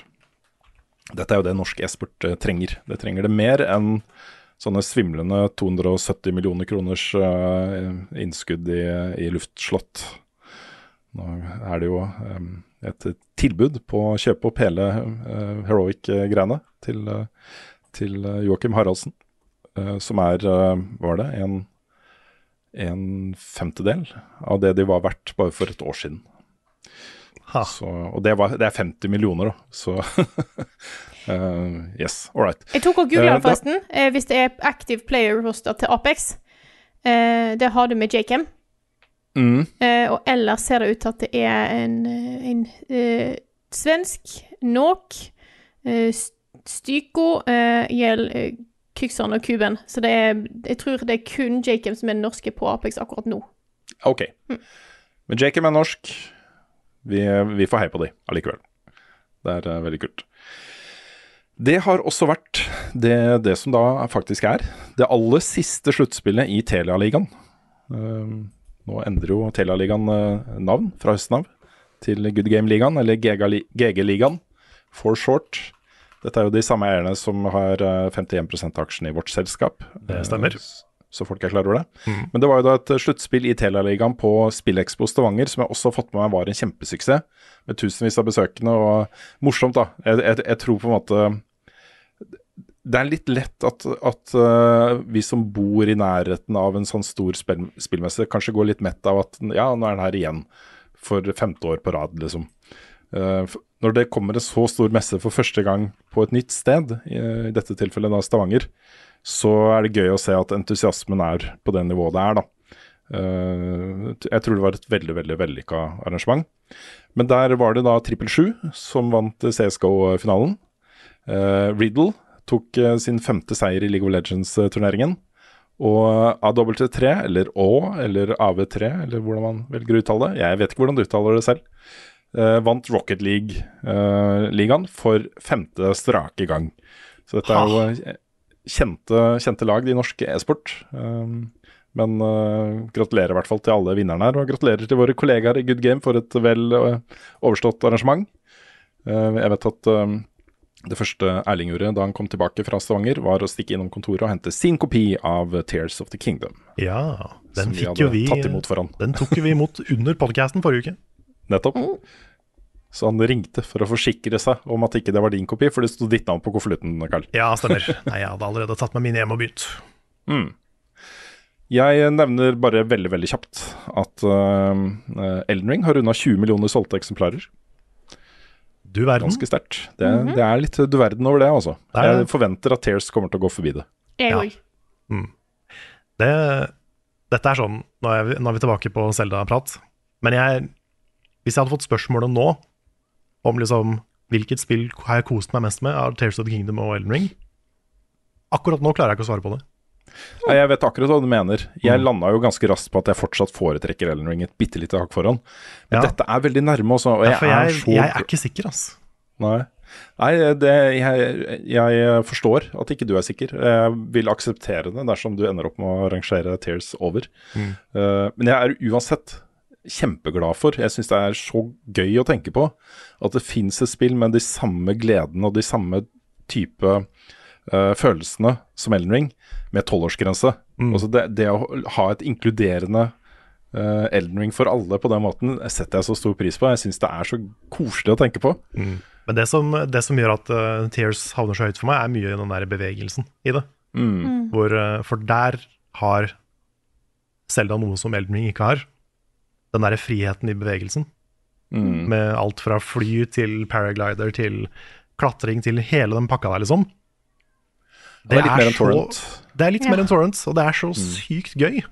Ja. Hele tida. Altså Tingen her er jo at disse tre spillene, altså Breath of the Wild og Elden Ring og Tears, har jo for meg og for mange andre endra open world-landskapet for alltid. Um, og jeg tenker at hvis du nå skal lansere et open world-spill uten engang å ha muligheten da, til å oppleve det på den måten du har utforsket disse spillene, uh, så kommer det ikke til å nå opp. Det kommer ikke til å bli like sterk opplevelse. Det er noe med den der følelsen av å gjøre den verden til din egen. eh, At du er i kontroll over flyten og progresjonen og alt, liksom. Det, det, er, det setter jeg så stor pris på. Og det er um, vanskelig for meg nå å akseptere et kart som allerede er smekkfullt av ikoner, og som dytter deg i alle disse retningene, liksom. Jeg, jeg vil ikke ha det lenger. Men problemet er jo at hvis du gjør den der uh, semiløsningen, sånn som eh, Assassin's Creed eh, de tre siste har hatt litt, da, med adventure mode, hvor du har ikke så mye ikoner på kartet og sånne ting. Du må selv liksom finne de tingene som er der. Hvis jeg vet at jeg eh, kan finne de bare ved å skru på ikoner, så gjør jeg dessverre det, altså. Ja. Men du må også, for, for at den oppskriften til Selda skal funke, så må landskapet være designa for det også. Ja. Ja, det er helt sant. Og det er Breath of the Wild og Tears of the Kingdom. Det er sånn Til og med hvis du skrur av HUD-en på Selda, så er det karakterer overalt som forteller deg hvor ting er. Ja. Og du har veier som leder til de relevante stedene. Det er så mye Ja. visuell forteller, altså visuell guiding. Ja, for jeg sleit jo f.eks. med det å finne alle stallene og byene og sånne ting. Men da får du det er en, Jeg husker ikke hvem det var engang, men det er en av disse NPC-ene som sier at hvis du følger veiene i dette spillet, her, så kommer du til det som er av staller og byer. det er vel et godt tips, liksom. Hvis du har lyst til å finne noen noe hubs eller noen butikker hvor du kan kjøpe nye klær eller et eller annet, så bare følg veiene. Så går, kommer du dit til slutt. Hvis ikke du gjør det, så kan du jo gå glipp av de. Jeg har funnet ting jeg, i det spillet her nå Ja.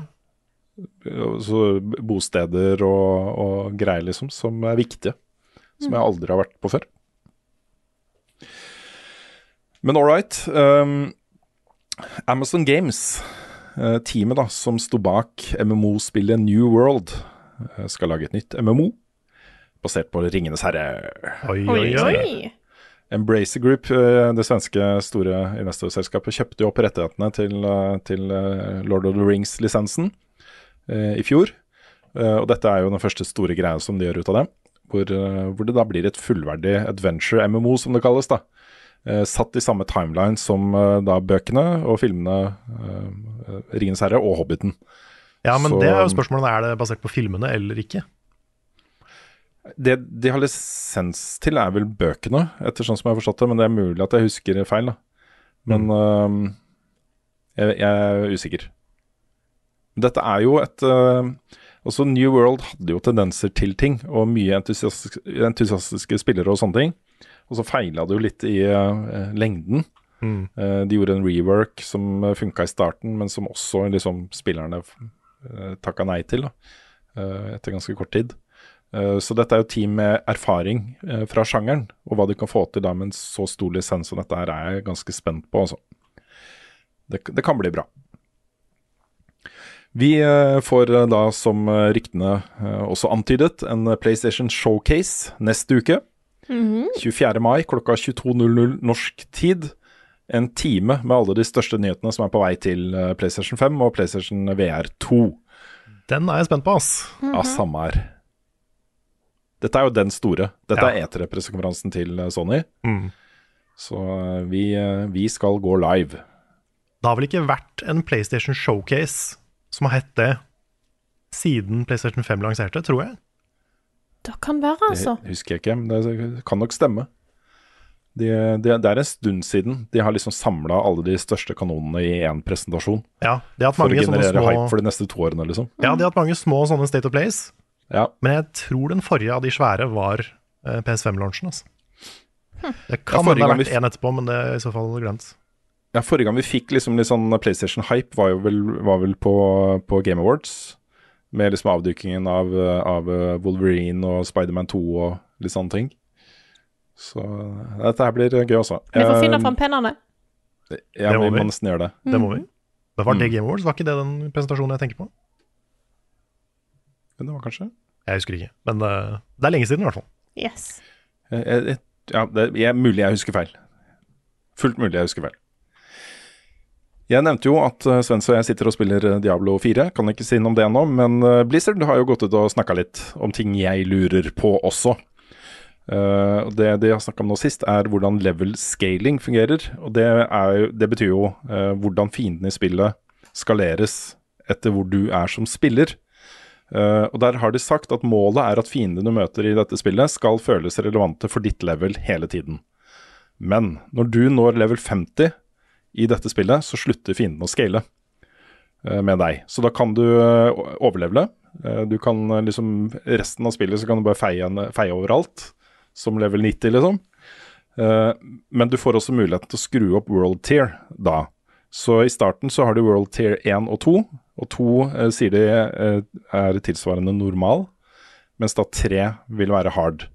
Så da kan du skru opp world tier til 3 når du når level 50 og gjør en spesiell quest. Eh, og så vil da alle lev eh, levelene på fiendene scales etter deg. Og da er, blir målet at du, du skal enten være litt underlevela eh, på level, eller bare maks 1-2 levels over.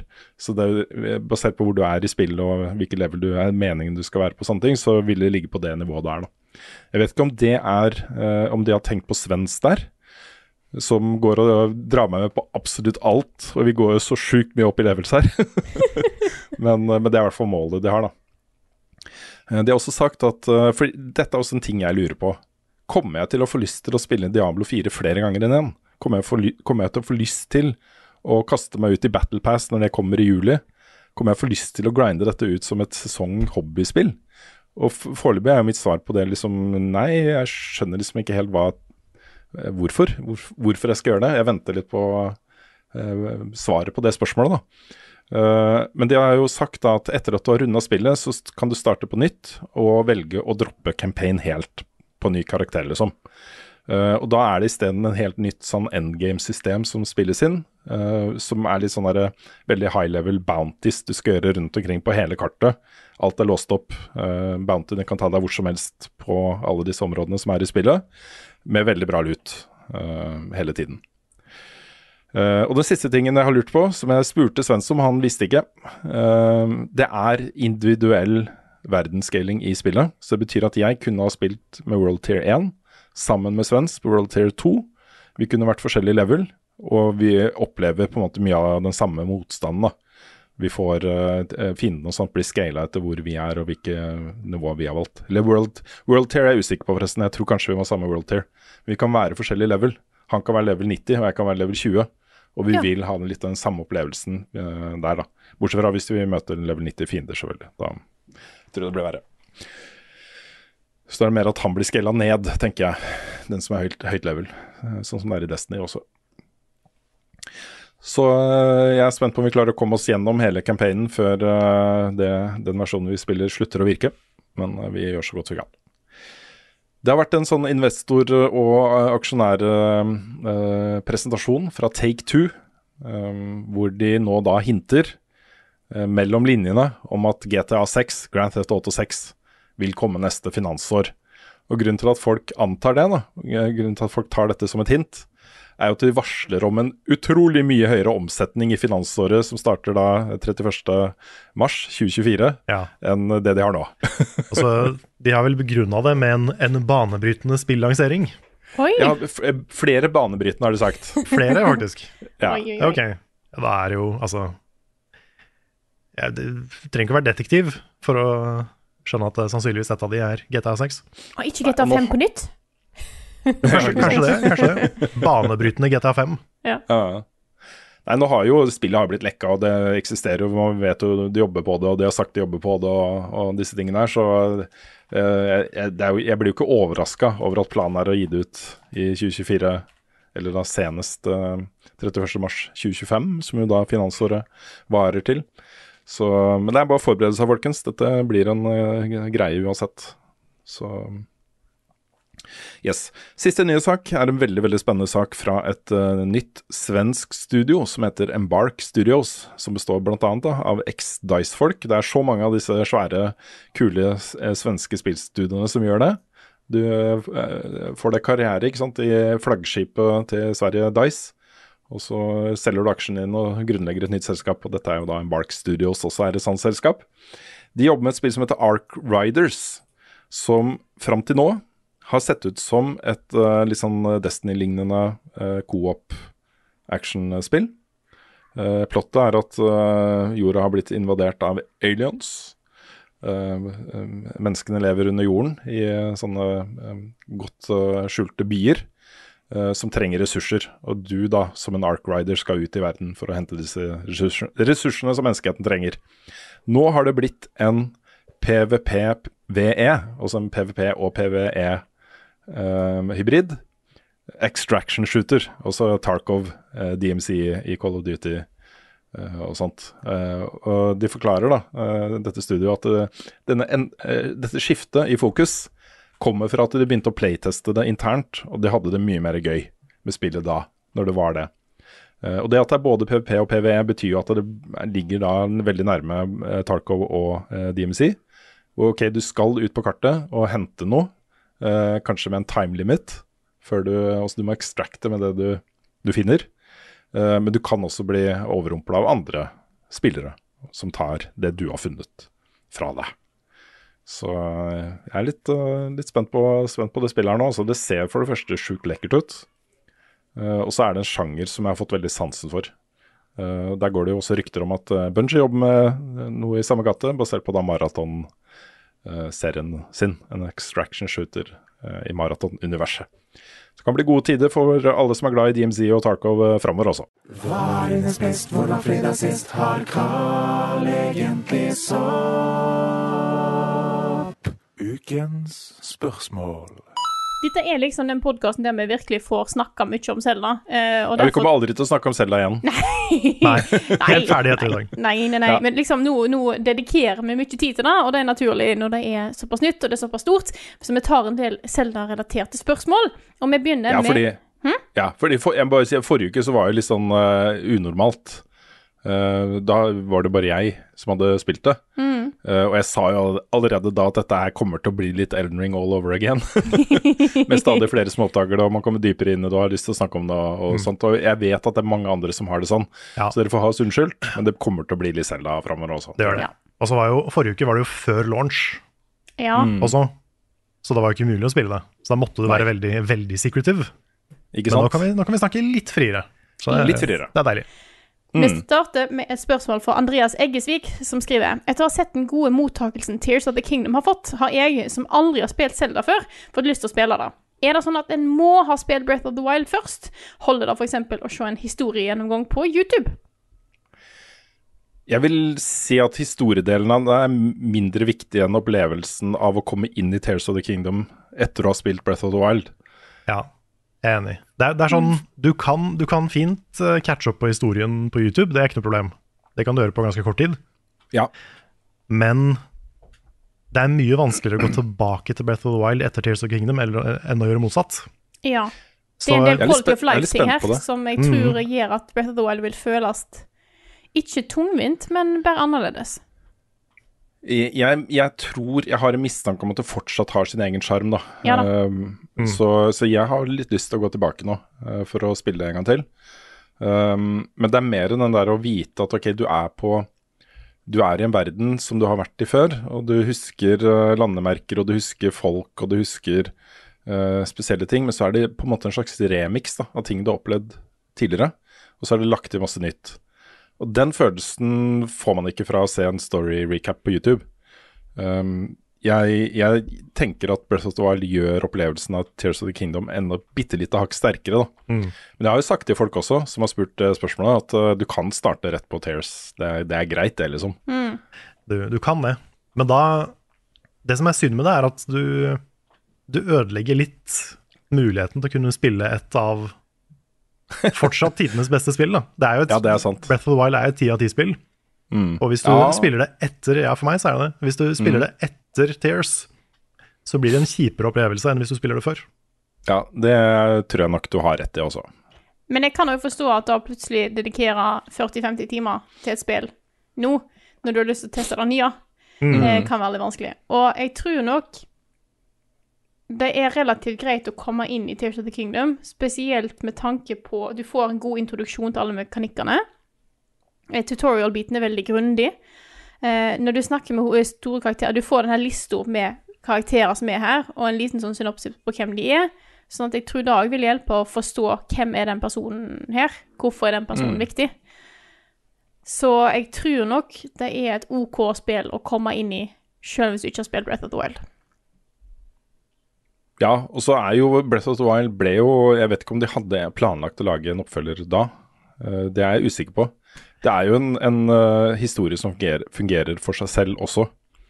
Eh, så, så de har jo vært smarte her, da, og forlenga historien og fortsatt historien uten å på en måte ødelegge det grunnlaget som har blitt lagd. Den, den, de henger naturlig sammen, disse to spillene, men det er allikevel et eh, skille der som gjør at de kan stå eh, litt for seg selv, da. Eh, uavhengig av hverandre. Så, men også, jeg er enig med deg, Carl. Jeg, jeg anbefaler jo folk som har muligheten til det, å spille Breath of the Wild først. Jeg gjør det, altså. Jeg tenker, hvis du, hvis du er bestemt på å bare spille ett av de, så spill Tears. Hvis du har tenkt å spille begge, spill Breath of the Wild først. Ja, ja, absolutt. Absolutt. Vi går videre til neste spørsmål.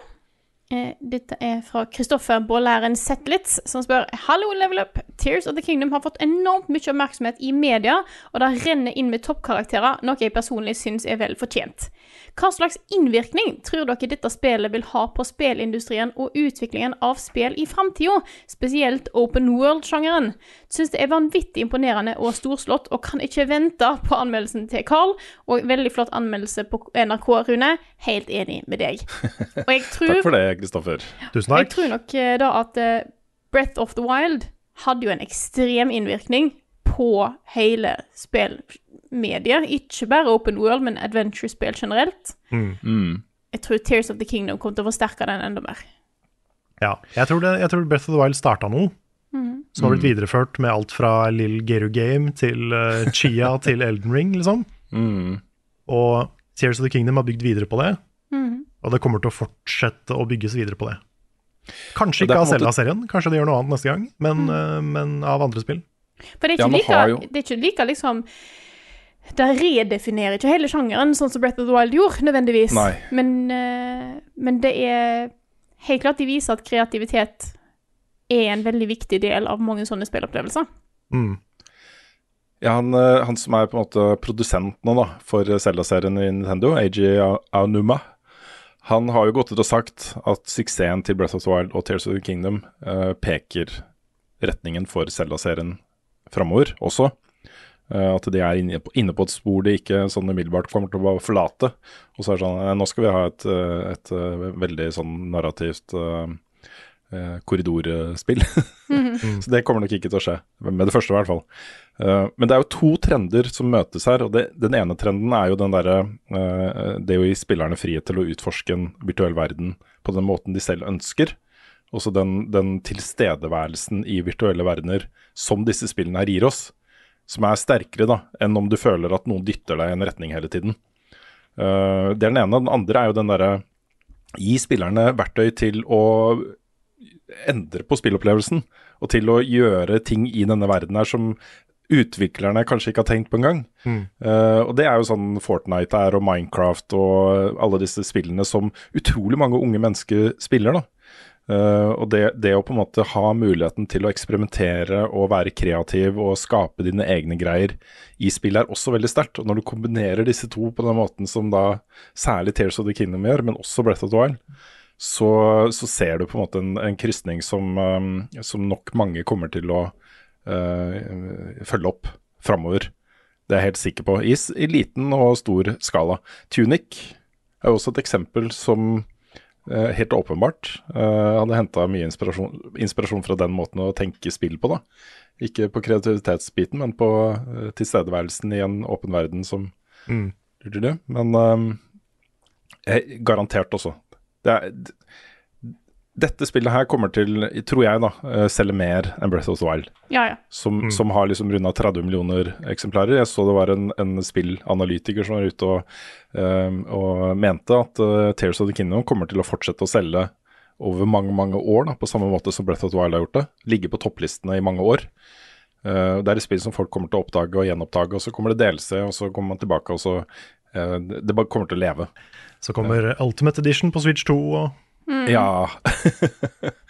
Eh, 60 FPS eh, og sånne ting, ikke sant. Det kan nok skje. Kan nok skje. Kan Det er skje. fascinerende å egentlig se hvor mye Nintendo har fokusert på kreativitet i spillene sine. Eh, det samme gjelder jo egentlig Animal Crossing. Der hadde de Mm. veldig mye fokus på å la eh, spillerne lage egne ting. Mm. Eh, I større grad enn det en kanskje har gjort der før.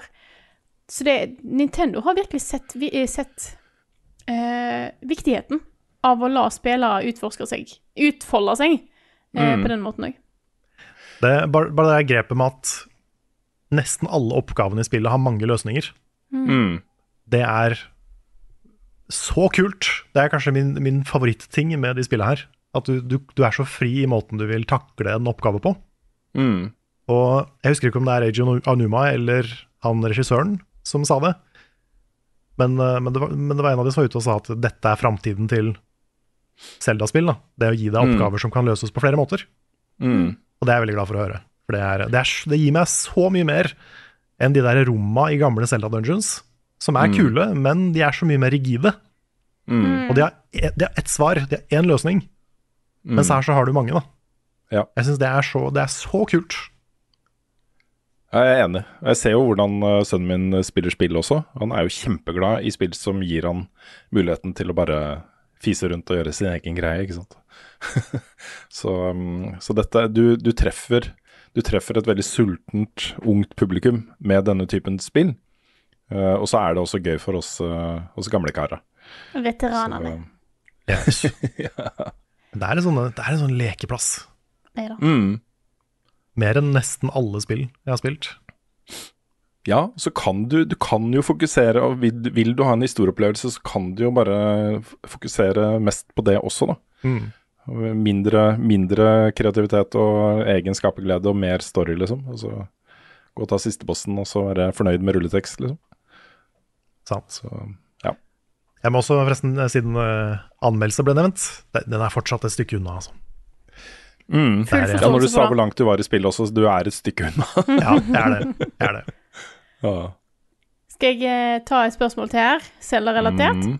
Ja. Det er fra Swagenc, som skriver Siste podkast nevnte Carl at han skulle sitte klar klokka 00.00 natt til kommende fredag for å spille Tears of the Kingdom. Jeg kan skjønne det å ville spille spill klokka 00.00 på lanseringspunktet, men jeg vet jeg er langt fra den eneste som foretrekker å ha spill fysisk framfor digitalt. Så spørsmålet mitt lyder som følger. Dere har vel tenkt å skaffe dere Tears of the Kingdom i fysisk utgave? Jeg mener at å eie og beholde spill fysisk er en viktig ting som bør oppbevares, både blant spillere og produsenter. I tillegg til at man i noen tilfeller får kule bonuser som følger med i f.eks. Tears of the Kingdom sin Collectors Edition for de som ønsker det. Uansett, god helg, og håper alle koser seg med Tears of the Kingdom i helga. Uh, det er jo flere og flere som kjøper ting digitalt. Mm. Jeg har blitt en av de. Jeg, Men jeg også. har, jeg har Jeg også. god har, jeg vil si jeg har en veldig god grunn til det. Veldig mange spill kommer ut på fredager. Og jeg får ikke pakka her levert på tida når det er spillutgivelser. Mm. Da jeg fikk eh, Switchen min, konsollen, fikk jeg levert mange dager etter, etter, etter lansering. Eh, jeg har missa så mange av disse, den første opplevelsesbiten på grunn av at eh, Og jeg skjønner det. Eh, eh, butikker som selger spill, skal ikke tilby folk spillet før release, og da må de sikre seg. Og da ender det opp med at i mange deler av landet, sånn som f.eks. Trondheim, eh, ikke får ting når en skal, i hermetegn. Og da Mm. vil jeg ikke med Tears of the Kingdom. Jeg vil ikke vente til mandagen med å få det spillet. Eller tirsdagen, potensielt. Mm. For da hadde jeg mista hele den første bølga som jeg hadde lyst til å være med på eh, i det spillet her. Og da er det synd. That's just how it be. Yeah. Jeg, det hender at jeg kjøper Collectors Edition av spill jeg er veldig glad i. Eller spill jeg gleder meg ekstra mye til. Mm. Um, men det er ikke viktig for meg å ha fysisk eksemplar lenger. Altså. Nei, det har blitt litt sånn som uh, allerede, for meg og for mange andre, litt sånn som uh, LP er i dag. Altså LP-er forsvant jo, og CD-er forsvant. Og så kommer det litt tilbake som sånne eksklusive samlerutgaver med kule, kule covere og ekstra bonusmateriale og sånne ting. Dit vil nok spill komme også, tenker jeg da. Eh, Men det er jo mange av de der Collectors Edition du kan kjøpe av f.eks. indiespill, som ikke har spillet. det er bare sånne kule gadgets og greier, tilleggsting og artbooks og sånt, og så har du en kode da, til nedlasting av spillet. Mm. Uh, det er jo to sider av det som, eh, som jeg syns er veldig relevant. Og det ene er jo også det å lage fysiske, fysiske produkter er jo mer skadelig for miljøet enn enn, eh, bare digitalt. Eh, det, det skal fraktes og transporteres og lager, og det er dyrere og alle disse tingene.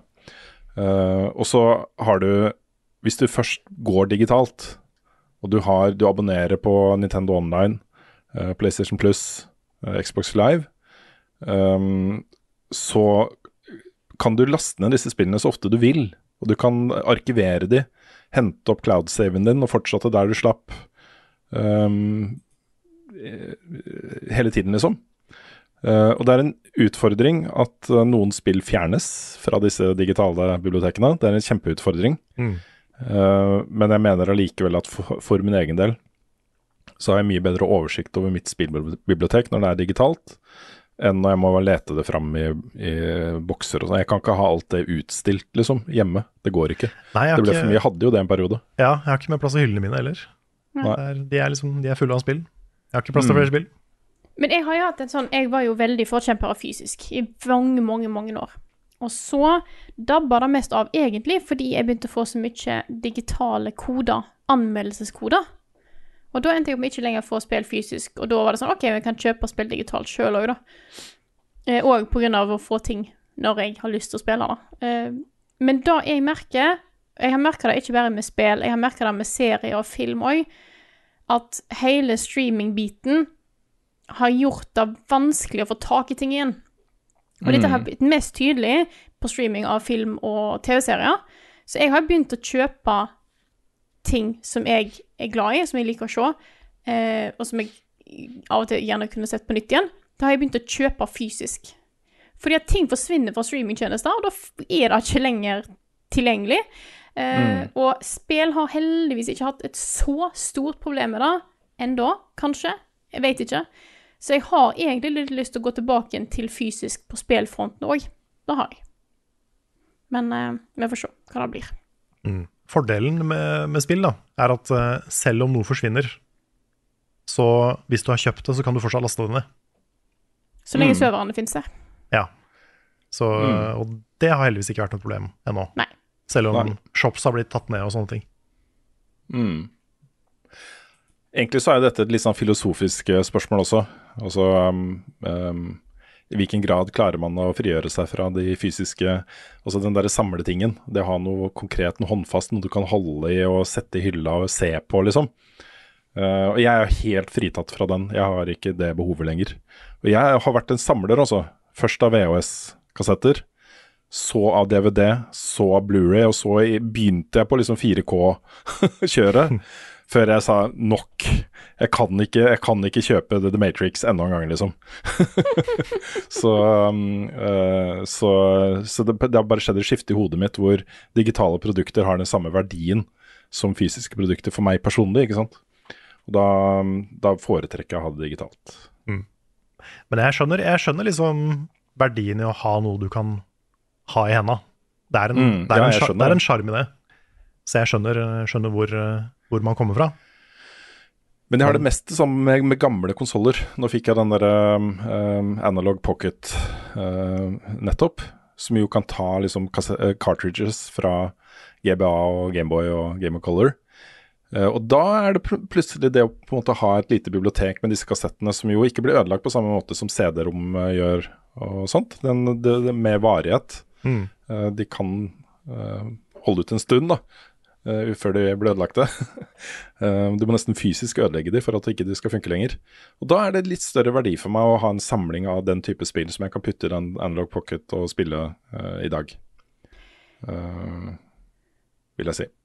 For meg så er det også, Jeg har hørt et par historier på nett av folk som har f.eks. hatt en Switch eh, der enten konsollen hadde blitt eh, stjålet, eller kontoen hadde blitt hacka og et eller annet, og Nintendo har sperra kontoen deres.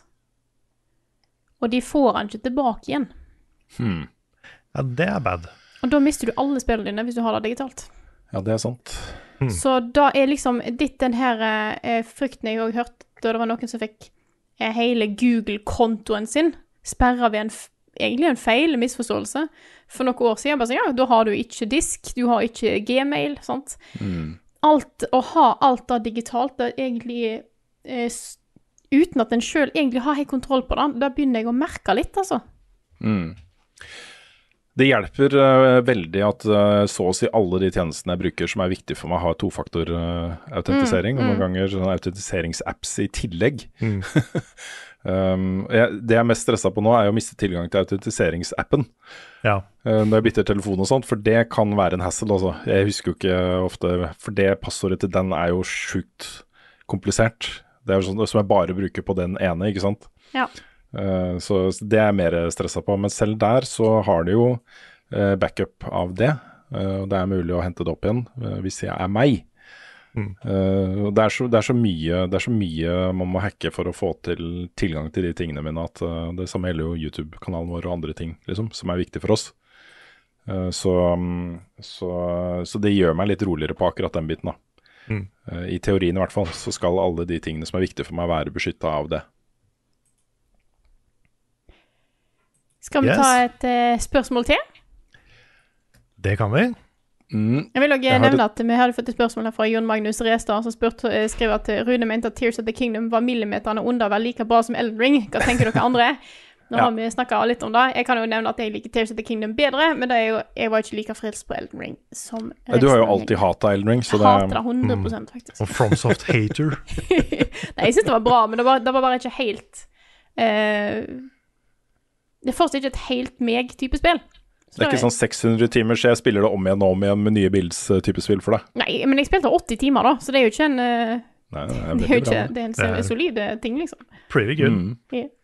Nei, men eh, Rune, har du et spørsmål? Ja, jeg har eh, et fra Steamrollerman som jeg har lyst til å svare på. Som spør deg hva syns dere om pengifiseringsmodellen som ble kunngjort for Diablo 4? Selv har jeg battle passes langt opp i halsen og ender nok opp med å styre he helt unna uh, spillet. Og nå har jeg jo bare fått uh, informasjon om hvordan den modellen kommer til å bli. Uh, jeg har ikke sett den i spillet ennå, den er ikke lagt inn i den versjonen. Men vi får jo god informasjon om hvordan den kommer til å bli uh, til lansering. Og så vil det jo ikke bli ordentlig fokus på det før Battle Passet kommer i juli. Så det er jo en sånn her honeymoon- honeymoon-periode med lanseringen av Diablo 4, hvor fokuset vil liksom bare være på å komme deg gjennom campaignen med en character, og komme til max level, og eventuelt eh, selge ut på endgame-innhold og, og sånt, før du da eventuelt begynner å levele nye karakterer og eh, fortsette i spillet. Um, jeg eh, Det virker på meg som om hvis du møter spillet på den måten eh, Du har ikke tenkt å kjøpe Battle Pass. Du har ikke noe behov for å levele flere karakterer. Du har lyst, lyst på en sånn saftig enspiller co-op-opplevelse. Så trenger du ikke å tenke så mye på det. Det er mitt inntrykk. Eh, men det vil komme mye kosmetikk her. Det vil komme mange fristelser, og det er ikke noe tvil om Hvis du har spilt betaen, så ser du jo, du vet jo, at her er det armor sets og våpen og ting og tang, ting som ser fett ut, som du kommer til å få lyst på. Så, så det vil nok være fristelser uansett, da, eh, fra starten av.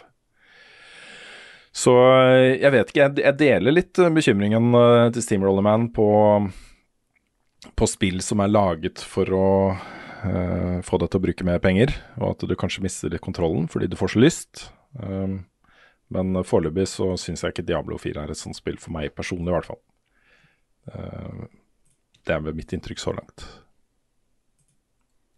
All right, skal jeg ta et spørsmål her, jeg også? Ja, gjerne. Det er fra Kristoffer Gettoboys Hansen, som spør hvilke biografier er deres favoritter? Da må jeg prøve å tenke hvor mange biografier jeg har lest. Da jeg var liten, så husker jeg at jeg leste en sånn serie med historiske personer, hvor det var liksom Madame Curie og alle de store Hva er det den het igjen? Den er veldig kjent, den serien. Det var liksom bare bilde av da den boka handla om, og så var det historien om deres liv. Jeg synes det var kjempefascinerende. Albert Einstein og Ja, jeg husker ikke. I don't know. Jeg vet ikke om jeg har lest mange biografier. når jeg tenker meg om. Jeg har, jeg har lest uh, Felicia Day sin sjølbiografi. Mm. Den syns jeg er veldig bra. Og uh, The Disaster Artist, My Life Inside the Room. Ja. Historien om The Room. De to er nok, uh, det er nok de to jeg må si. Ja, jeg ble veldig, veldig glad i The Dirt, biografien om uh, Motley Crew. Det er en utrolig bra bok. um, og så Jeg vet ikke om jeg leser så mye biografier. Jeg syns Zlatan-biografien var god. Hmm. Jeg innser at jeg har egentlig ikke lest så mye generelt i det siste. Da er litt eh... Egentlig litt synd. Burde Mm. ta opp igjen da. Dette er ikke en biografi, da, men det er, um, det er uh, mye biografi i den. Uh, Stephen King har skrevet en bok som heter uh, Om å skrive, på norsk. Det er egentlig en guide da, til uh, folk som har lyst til å skrive bøker og historier. uh, Ah. Hvordan han gjør det. Men der er det også veldig mye selvbiografisk. Uh, han tar jo mye for seg. Han, hadde jo en, han var jo en trafikkulykke som, uh, som var veldig, veldig alvorlig, og som endra egentlig hele forfatterskapet hans og han som person. Så han snakker en del om det i den boka. Det syns jeg var veldig fascinerende. Jeg vet ikke om det teller som en biografi, men jeg husker jeg leste boka som heter En gatekatt eh, navn Bob. Og det er jo en slags biografi om en katt. Ja. Eh, det er nemlig en gatekatt som heter Bob, eh, som eh, en Jeg tror han var uteligger i England. Adopterte. Eh, og på en måte handler om deres liv sammen, og hva han endte opp med liksom Hvordan den katten var, og hva det endte opp med å gjøre, og sånne ting. Det var egentlig en ganske veldig fin bok. Ha, Mm. Den hørtes koselig ut. Mm. Jeg har, eh, har sett en del dokumentarfilmer, da. Altså, som jo er sånn uh, Ayrton Senna og sånt. Som er kjempebra. Men eh, ja. Nei, har du et spørsmål til, eh, Rune? Jeg kan ta eh, Vi kan eh, kanskje siste spørsmål. Siste spørsmål har du Ja. Et, Et eh, et slags dilemma eh, fra Silakoid, som spør da Dere kan kun spise én matrett til alle måltider resten av livet. Hvilken velger dere? Jeg tror jeg hadde valgt av the versatility pizza. Ja. Det er en pizza eller burger, for du kan gjøre ganske mye kult med burger òg. Ja, da kan du. Mm. Jeg, jeg, på, jeg tror jeg må nok lande på pizza sjøl, altså. Fordi um, ja. Det Problemet har er at vært perioder hvor jeg har spist pizza til alle måltider eh, ja, ja. allerede. mesteparten av livet mitt er pizza. Ja. ja. Men My life eh, is pizza. my life is pizza. Så det er nok, riktig svar er nok pizza. Mm. Problemet mitt er at det er ikke så mange forskjellige typer pizzaer jeg liker. Jeg bestiller alltid den samme pizzaen. Ja. Men bare Så- du kan jo lage liksom Sant, du har eh, Hvis du har eh, på, på en måte blir det bare et slags brød med litt Ja. fyll på, Mm. eh, Mm. og ost valgfritt innimellom. Ja. For ellers kunne man jo sagt sandwich, liksom. Man kunne jo nesten ha sagt Ja, ja. kunne Men kan du ta en pizza, burger ost og salat på, og så pizza på toppen, og så kalle det en pizza? Pizzaburger? Ja, Burgerpizza? Ja, ja ja. der, der, der er det pizza. det. Det var calzone og Ja, for da kan Ja, jeg også lage, da kan jeg også lage pizza, en burgerpizza. mm. Så har du dessertpizza. Ja, ja. Mm, Ja. det er sant. Nei, da var det ikke så vanskelig likevel, da. Blir det pizza? Da blir det pizza. Da blir det pizza. Ja. Pizza er løsningen på utrolig mye. Det er Ja, det. det er det. Åh, fikk lyst på pizza. Men det er ikke det jeg skal ha til middag i dag. Jeg får ha pizza en annen dag. Men, Men det da er ikke for, det er ikke for seint å velge pizza isteden.